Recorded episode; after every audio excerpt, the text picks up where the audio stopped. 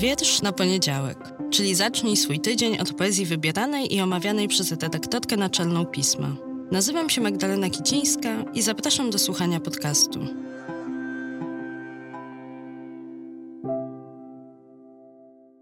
Cześć, witajcie w pierwszy poniedziałek października. Serdecznie pozdrawiam wszystkie osoby studenckie i osoby uniwersyteckie, które zaczynają właśnie nowe albo pierwszy w ogóle w swoim życiu rok akademicki. Trzymam za Was kciuki i życzę, żeby to był dobry, ważny, pełen inspiracji czas.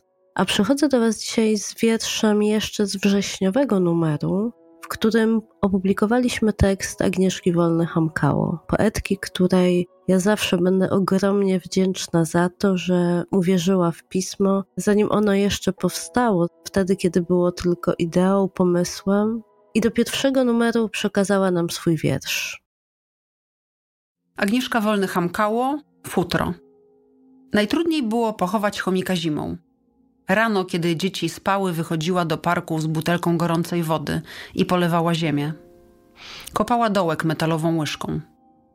Czasem któreś z dzieci budziło się i przyklejało czoło do zimnej szyby. Noc, mówiło, i noc wchodziła przez usta. Po śmierci chomików przerabiała stół na stół ping-pongowy. Też mogłaby popełnić samobójstwo, skacząc z kołowrotka na swój drewniany domek. Powinni zrozumieć, i tak nie pojedzie, bo nie ma słowników, bo ma chore koty. To był bardzo ważny i cenny dar, taki kredyt zaufania od poetki dla powstającego wtedy jeszcze bardziej w głowach, w komputerach, w Excelach, w wydrukach miesięcznika. I dlatego, kiedy ją spotykam osobiście podczas różnych naszych, czasami też wspólnych wariactw i zdjęć na tle motoru, albo czytając jej teksty, bo pisze wiersze, prozę również dla dzieci i robi bardzo dużo w polu działań w obszarze kultury. Zawsze tę wdzięczność czuję i mam nadzieję, że wystarczająco dobrze ją wyrażam. A jeśli mowa o nowych przedsięwzięciach, to Agnieszka jest w zespole redakcyjnym nowego pisma, notatnika literackiego, którego wydawcą jest bliski pismu Wrocławski Dom Literatury.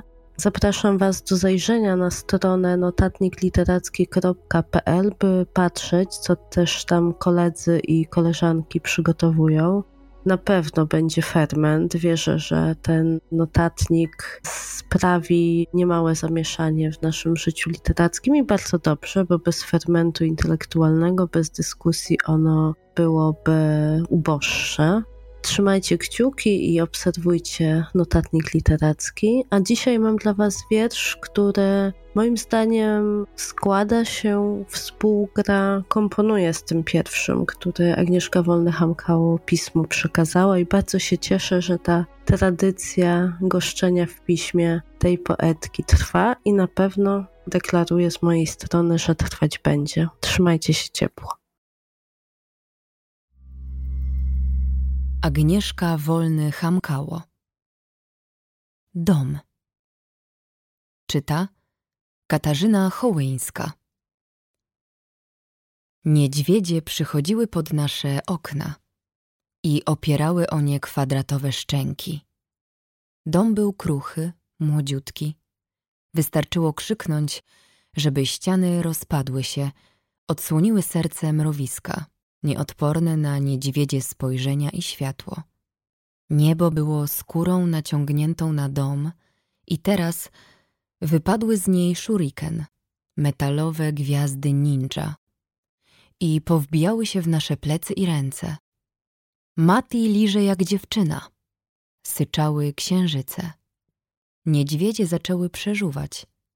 Prawnicy wręczyli nam ulotki.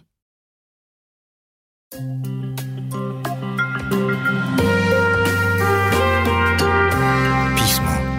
Magazyn opinii.